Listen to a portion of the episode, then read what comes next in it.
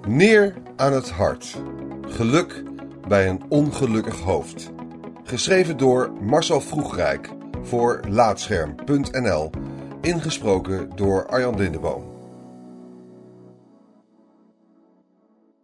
Wie mij een beetje kent, weet dat ik niet uitgepraat raak over Neer en opvolger Neer Automata. Ik behoor zelf tot die groep, want ook ik ken mezelf nog maar een beetje. Een half leven aan angststoornissen en depressies hebben mijn persoonlijkheid naar de reservebank verbannen. Daarom is het zo belangrijk dat ik van neer hou. De angsten en depressieve gedachten zijn er stiekem altijd al geweest. Als kind las ik vier keer hetzelfde boek in één nacht om er niet in totale stilte in slaap te hoeven vallen.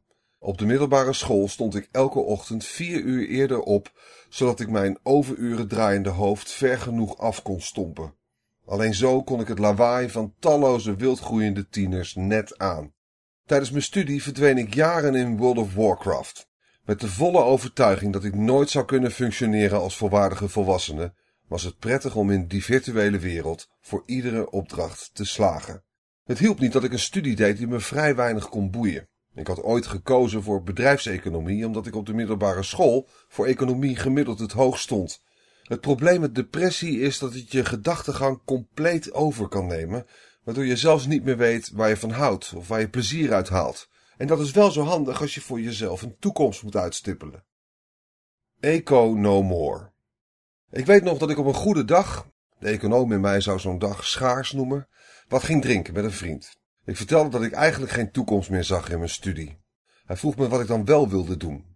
Het antwoord lijkt nu zo simpel. Ik vond gamen leuk en kon aardig schrijven, dus ging ik schrijven over games. Dat brengt me op neer.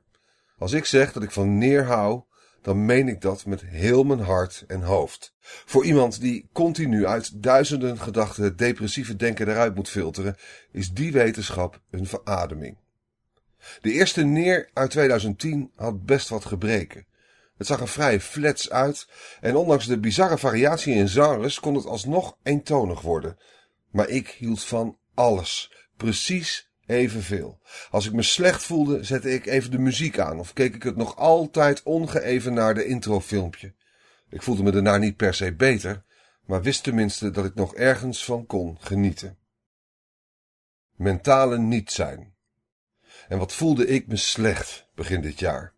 Mijn psychische problemen hadden inmiddels een officiële naam gekregen, maar dat maakte het er niet meteen beter op. Ik wist meer over mijn mentale welzijn, maar gek genoeg juist minder over mezelf.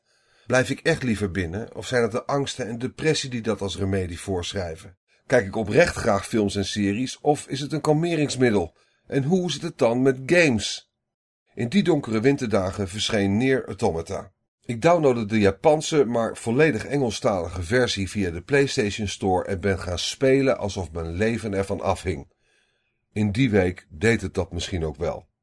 Ik speelde en speelde, maar belangrijker nog, ik praatte erover, ongeremd en continu met een enthousiasme dat ik zeer zelden ervaar. Er is niets fijners dan een glimlach te voelen op mijn gezicht. Voor mij het bewijs dat ik ergens om geef. Psychologica. De zelfbenoemde psycholoog in mij weet wel waarom Neer me zo raakt. Beide games hebben zoveel karakter dat het in ieder aspect doorcijpelt. Van de in verzonnen talen gezongen soundtrack tot droevige levensverhalen van in ieder ander spel inwisselbare personages. Boven alles snapt Neer dat een deprimerend spelverloop het spelplezier niet in de weg staat. En dat herhaling niet altijd saai is of leegte meteen lelijk. Juist in die ogenschijnlijke dieptepunten, waarvan ik er zelf zoveel heb meegemaakt, toont het karakter. Het is daarom dat ik blijf praten over neer. Alleen gaat het nooit echt over neer. Het gaat over mij. Over hoe lastig het is om met terugkerende depressies en voortdurende angsten om te gaan. Je kunt nog zoveel manieren bedenken om je draai terug te vinden en jezelf toch weer kwijtraken. Maar neer liet me zien dat mijn persoonlijkheid nooit helemaal verdwijnt. Het deed me beseffen hoeveel ik van games hou en hoe graag ik erover praat. En vandaag helpt neer me om voor het eerst open over mijn psychische problemen te schrijven. Briljante wending. Bipolaire stoornis type 2 met een sociale fobie, luidt het officiële oordeel. Daar ben ik het roerend mee eens. Mijn depressieve periodes worden inderdaad afgewisseld met dagen of weken van zogeheten hypomanie. Dan voel ik me alsof ik nooit depressief ben geweest of ooit weer ga worden. Ik wil alles, kan alles en doe alles. Mijn energie lijkt niet op te raken en ik hou van iedere geur en kleur in de wereld. Ik vind mezelf plotseling de leukste persoon op aarde, de slimste, de mooiste. Wist ik veel dat zulke gedachten en gevoelens toch vooral symptomen zijn? Zo las ik onlangs dat je er ook oprecht van gaat denken dat je briljant bent.